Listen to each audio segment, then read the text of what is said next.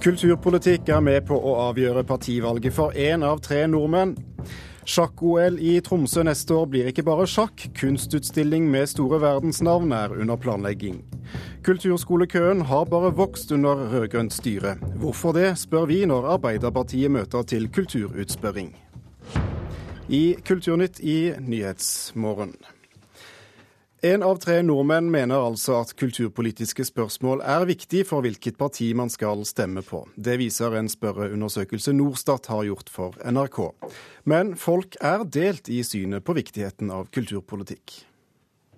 Jeg syns det er eh, godt med sånn eh, tilbud både for barn og voksne. Det syns jeg er veldig viktig. Det er veldig viktig, for vi skal leve videre, og det er veldig viktig å ta med seg. Kultur er viktig, men det er mange ting som er viktigere, kanskje. En av tre nordmenn mener kulturpolitiske spørsmål er viktig eller svært viktig når man skal velge hvilket parti man skal stemme på. Det viser en spørreundersøkelse Norstat har gjort for NRK. Det er en sånn implisitt og innarbeida forutsetning om at kultur er bra, og kultur er bra for deg. Ole Marius Hylland forsker på kultur ved Telemarksforskning og er fagkoordinator der. Men undersøkelsen viser også at nordmenn er delt i synet på viktigheten et flertall på 37% har svart at det er lite viktig eller svært lite viktig.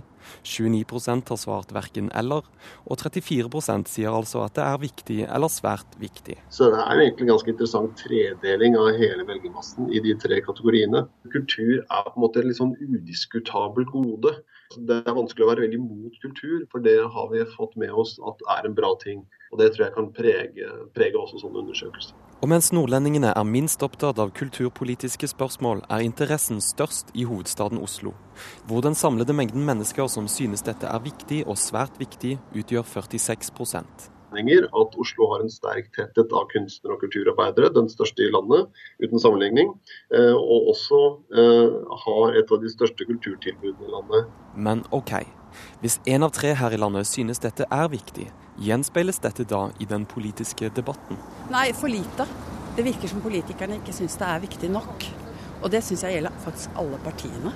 Jeg syns det kommer godt frem på de forskjellige partiene, ja.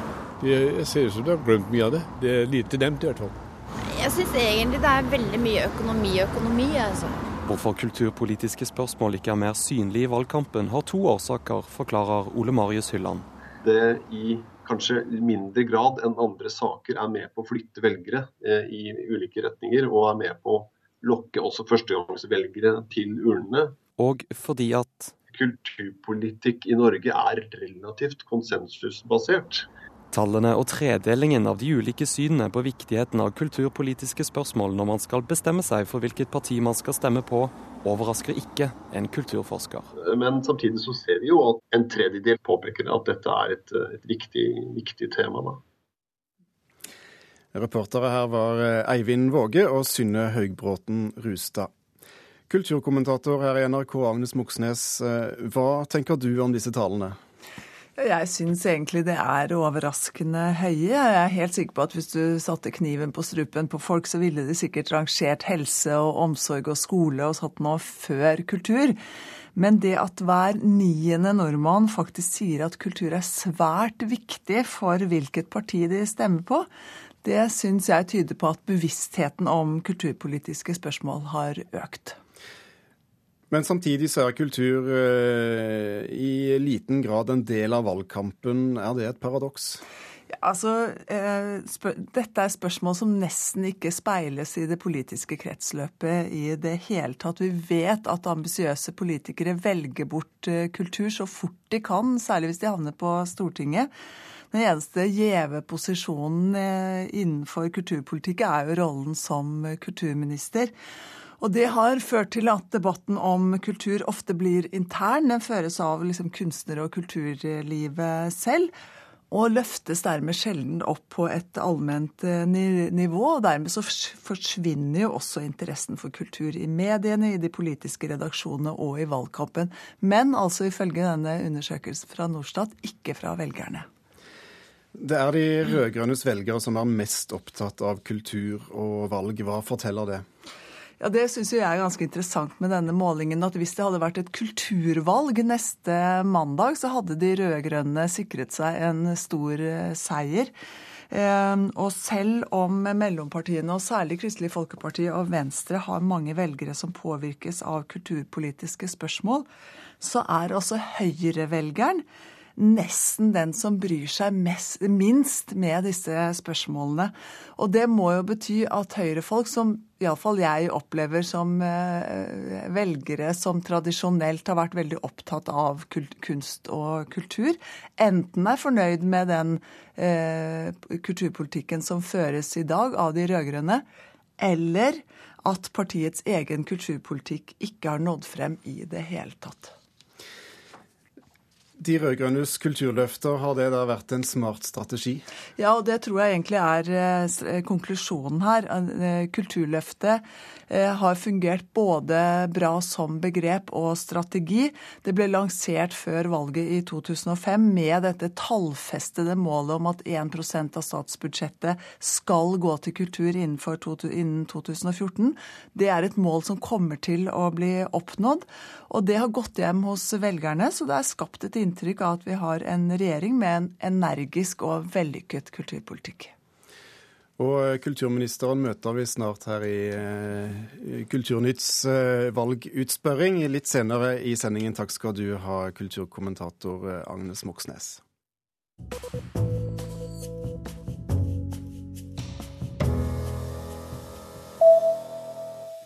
En eh, politimann fikk sparken etter at han har eh, kalt eh, statsminister Jens Stoltenberg for et krapyl på nettstedet Facebook. Politimannen fra Hedmark er også lokalpolitiker for Fremskrittspartiet.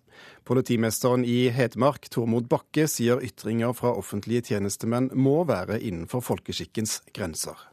Det er jo visse krav til hvordan man ytrer seg, og jeg mener at man kan ikke i anstendighetens navn eh, karakterisere statsminister som et krapyl.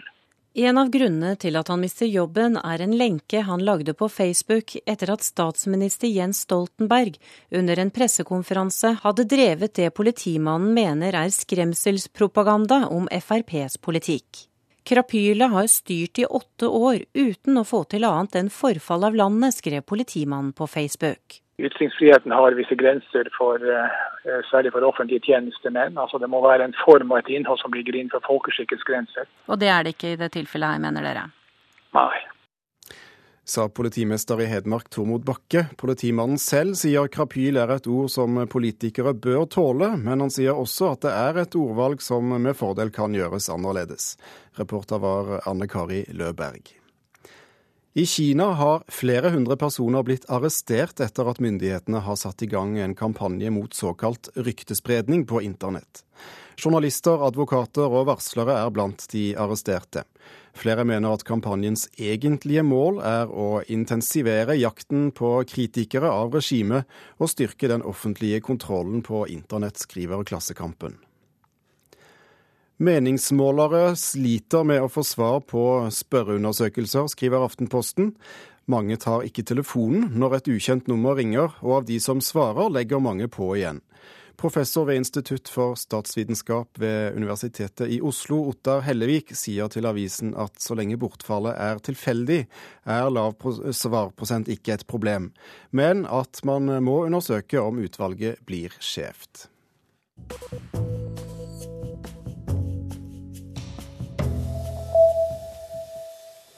En stor internasjonal kunstutstilling er under planlegging i forbindelse med sjakk-OL i Tromsø neste år. Det kan bli en franskmann som skal sette sammen utstillingen. The idea is to uh, give the occasion to great artists to create special works for uh, Tromsø. Kunst laga spesielt for Tromsø 2014 er en del av ideen bak kunstutstillinga som planlegges i forbindelse med sjakk-OL neste år.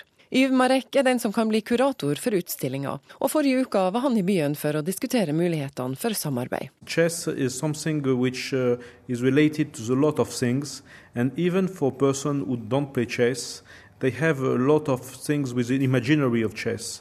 Sjakk er mye mer enn bare sjakk. Det er også det å skape kulturelle aktiviteter.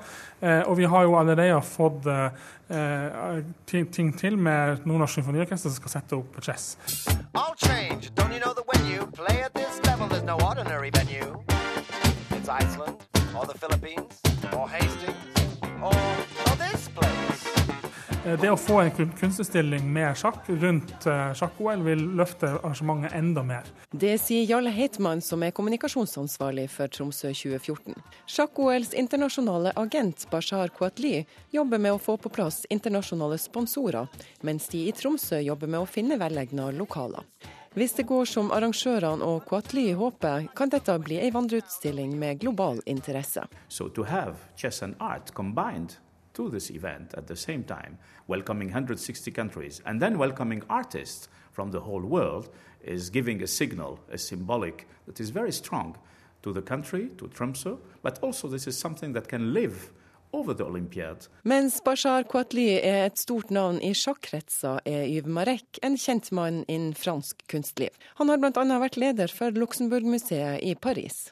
Marek syns kombinasjonen kunstutstilling og sjakk-OL er opplagt, og at sjakk er kunst i seg sjøl. Chess is art. Uh, Duchamp said that uh, uh, not all artists were chess players, but all chess players are artists. Sjakk er både poetisk og estetisk vakkert, ikke bare kalkulasjon, sa til slutt eh, Yves Marek. Reporter i Tromsø, Hege Irén Hansen. Du hører på Nyhetsmorgen i NRK P2 og Alltid nyheter. Dette er de viktigste overskriftene denne morgenen. Arbeiderpartiet kommer med nye millioner til sykehusutstyr, mens Høyre lover en helt ny nasjonal sykehuspolitikk. Helsepolitikk er viktig i valgkampinnspurten. Politiet vil samle inn DNA-prøver fra menn som var på Akslafjellet i Ålesund onsdag i forbindelse med etterforskningen av en omkommet kvinne. Vi har kommet til Arbeiderpartiet i vår serie med kulturutspørringer. Og kulturminister Hadia Tajik, som vi hørte um, i starten av sendingen, sier én av tre nordmenn at kultur er viktig for valg av parti. Burde dere ha snakket mer om kultur i valgkampen? Det er veldig kjekt å høre at det er så mange som eh, er opptatt av eh, kulturpolitikk, og gjerne skulle sett at det var en større del av valgkampen. Nå er det jo tradisjon for at det ofte er helse, skole, arbeid, en del av de sakene som dominerer den offentlige debatten. Men uh, mitt inntrykk er at når folk snakker seg imellom og diskuterer seg imellom hva som er de viktige sakene for deg, hva som betyr noe når de skal velge sitt parti, så er det klart at kulturpolitikk òg er en viktig del av den samtalen mellom folk. Er du overrasket over at eh, en tredjedel sier kultur er så viktig? Nei, for kultur handler om de grunnleggende tingene som vi alle er opptatt av. Altså Både frivillighet, idrett, kultur eh, handler om eh, både enkeltmenneskets eh, utfoldelse, mestring, livskvalitet. Det handler om de nære tingene. Og det, det skulle på en måte bare mangle at vi var opptatt av det. Arbeiderpartiet og, og, regjeringspartnerne har denne sommeren gitt oss eh, det tredje kulturløftet. Hvorfor var det nødvendig å komme med et tredje løfte? Vi har gjort mye eh, for kulturlivet de siste åtte årene. Blant annet så har kulturbudsjettet blitt eh, dobla siden 2005. Det betyr at det har økt med fem milliarder kroner. Nå er det ikke sånn at pengene i seg sjøl er målet, men man trenger jo penger for å nå kulturpolitiske mål. Men for å eh, være sikre på at vi òg treffer eh, der kulturlivets behov er, så har vi både satt ned et utvalg som har gitt oss kritiske tilbakemeldinger, og jeg har sjøl reist rundt og tatt imot kritiske tilbakemeldinger. Og jeg mener at det er behov for et nytt kulturløft, nettopp for å ta tak i de tingene som da har blitt tatt opp, at man, vi må fokusere mer på det lokale kulturlivet.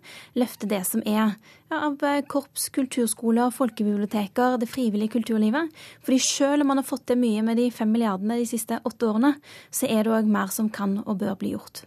Ja, Hva beklager du mest at dere ikke har fått til så langt? Det er ikke den type ord jeg bruker, eh, men jeg mener at det er viktig å fortsette å være ambisiøs eh, på kulturpolitikken. Og en av de viktige elementene i det neste store kulturløftet, utover det at vi holder fast ved 1 %-målet, det er at det er nettopp det lokale kulturlivet som skal være sentralt framover. At vi vil utvikle en nasjonal strategi for folkebiblioteksektoren. For på den måten at vi både fra ja, statlig side og lokal side kan være med på å utvikle bibliotekene. Selv om de i dag jo bare er kommunens ansvar, så mener jeg at vi kan bidra mer.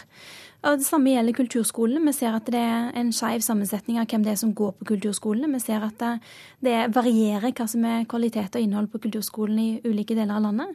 Og Derfor vil vi gi en statlig støtte til de kommunene som jobber systematisk med innhold og kvalitet, men òg med sosial utjevning i kulturskolene. Så det er to eksempler på hvordan vi vil jobbe med det lokale kulturlivet.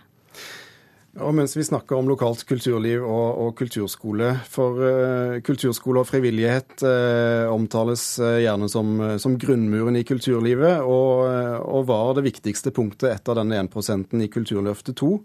Og jammen er ikke kulturens grunnmur også det viktigste nå i det, i det siste og tredje løftet. Hvorfor er det nødvendig å gjenta et slikt løfte? Den kulturelle grunnmuren er et begrep som aller mest har blitt etablert etter at Anne Enger eh, gjennomførte eh, ja, sin analyse sammen med Enger-utvalget, eh, og la fram en anbefaling om at det er nettopp den kulturelle grunnmuren som har mest å si. Først for bredde, men så òg for toppene. Altså bredden fordi det for de aller fleste er den første direkte kontakten man har med kulturlivet, som enten som utøver eller som publikummer, men òg fordi man vet at det er nettopp den kulturelle grunnmuren òg som for veldig mange av de som i dag er våre utøvere i verdensklasse, eller er våre aller dyktigste og mest leste forfattere, at det var startpunktet for deg. Både Tom Egeland og, Dag Solstad har eh, fortalt varmt om eh, hvor mye folkebiblioteket har hatt å si for deres eh, møte med den litterære verden, og det at de i det hele tatt bega seg ut på å sjøl bli ja, så godt leste forfattere som de i dag har blitt. Dere har lovet en eh, god eh, kulturskole til så mange som mulig, men i hele den rød-grønne perioden så har ventelistene bare vokst. Sist skoleår sto 28 000 barn i kø. Hvordan forklarer du en sånn utvikling med de løftene som dere har gitt? Det er egentlig to ting som har vokst, hvis vi skal være presise. Og det ene er antall elever på kulturskolene. Det er blitt flere som går på kulturskolen. Men så har du òg rett i at eh, køene har blitt lengre. Det viser at kulturskoletilbudet er et veldig attraktivt tilbud. Det er mange som ønsker å gå der. Og det betyr òg at det er behov for et nytt kulturløft, sånn at man jobber mer med det. Og da er det flere ting vi vil gjøre. Jeg har allerede nevnt den statlige støtten til kommunene som jobber systematisk med sosial utjevning og faglig innhold. Men jeg mener òg at det går an å utvikle standarder for hva som kan være det faglige innholdet i kulturskolene sånn at man vet at de holder høy kvalitet overalt. Men så er det òg ikke minst viktig for oss og vår regjering at man har en kulturskoletime som gjør at alle unger i barneskolen blir introdusert for kunst og kultur på et tidlig tidspunkt. Og kanskje, må jeg få lov til å si programleder, så kan det gjøre at kulturskolen blir enda mer populær. Kanskje òg blant unger som ellers ikke ville gått på kulturskolen. Ja, Det kan jo kanskje bli et problem. Hvis den eh, kulturskoletimen faktisk blir vellykket, så vil vel ventelistene vokse til himmelen? Det tenker jeg egentlig mer som en positiv utfordring, at flere unger vil gå på kulturskolen. Og det viser at det er behov for et nytt kulturløft som setter kulturskolene i sentrum. Tilbake til eh, denne 1 som det er mye snakk om. Dere har lovet at budsjettet dere skal legge fram til høsten, der skal kulturbudsjettet stå for 1% av det totale budsjettet. Handler god kulturpolitikk bare om størrelsen på pengesekken? Nei, det gjør det ikke. Men det er klart at eh, skal man gjennomføre høye ambisjoner, så må man ha penger. Det er, så enkelt er det. Man trenger de økonomiske musklene. Og vår regjering, våre tre partier, er de eneste som sier at vi i tillegg til å ha høye ambisjoner, som vi viser gjennom de kulturløftene som vi legger fram, og er villige til å legge økonomisk kraft bak de ambisjonene, og si at eh, vi vil bruke 1% av statsbudsjettet på kultur.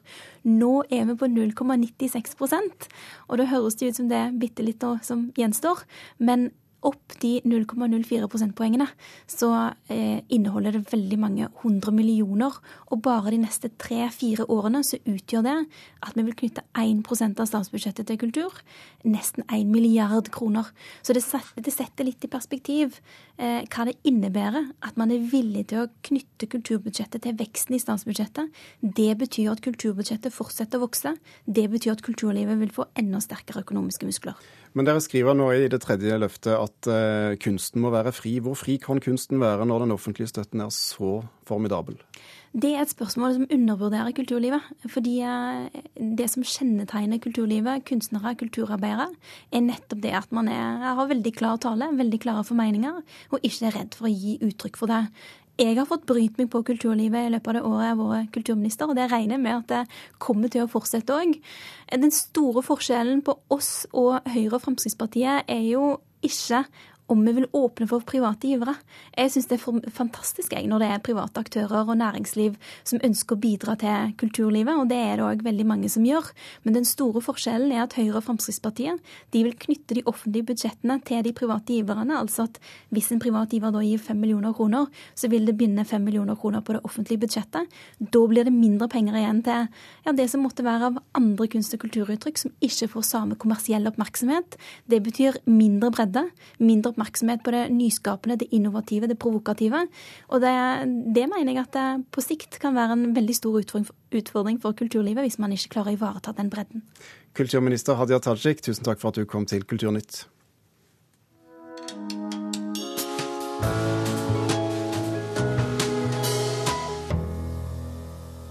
Karin Fossum, som nylig mottok Amalie Skram-prisen for sitt forfatterskap, har gitt ut et drøyt tjuetall bøker siden debuten i 1974. Omtrent halvparten av dem handler om politimannen Konrad Seier og hans kollegers virke i Drammen. Et nytt kapittel i den stadig pågående historien om Seier finnes i Fossums nye roman 'Carmen Sita og døden'. Det slo meg da jeg åpnet Karin Fossums nye roman at jeg nå har fulgt Konrad Seiers politiarbeid i Drammensområdet gjennom nesten to tiår. Det har vært mye å glede seg over. Også det at serien stadig har utviklet seg i en mer selvstendig og original retning, der den avgjørende avstikkeren fra politiromanens slagne landevei ble tatt med den strålende romanen Elskede Puna for 13 år siden. Handlingen i Carmen Sita og Døden går over et års tid.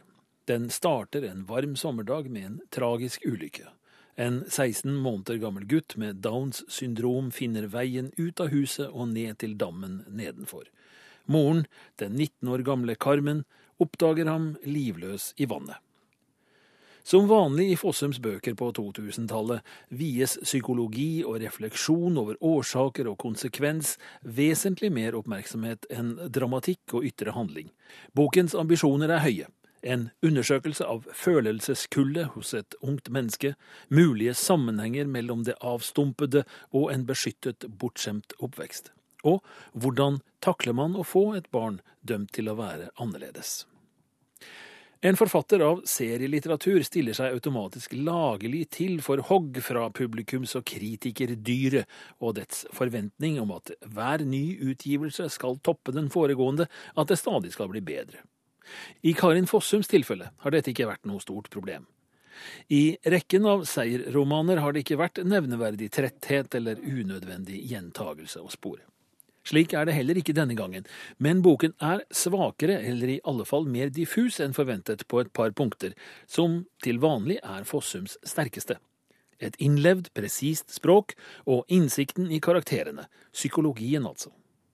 Seier og Skarre reagerer tidlig på noe forstilt eller kanskje fremført over den unge Carmens reaksjoner og uttrykk for sorg. Barnets far, den ett år eldre Nikolai, må også lure.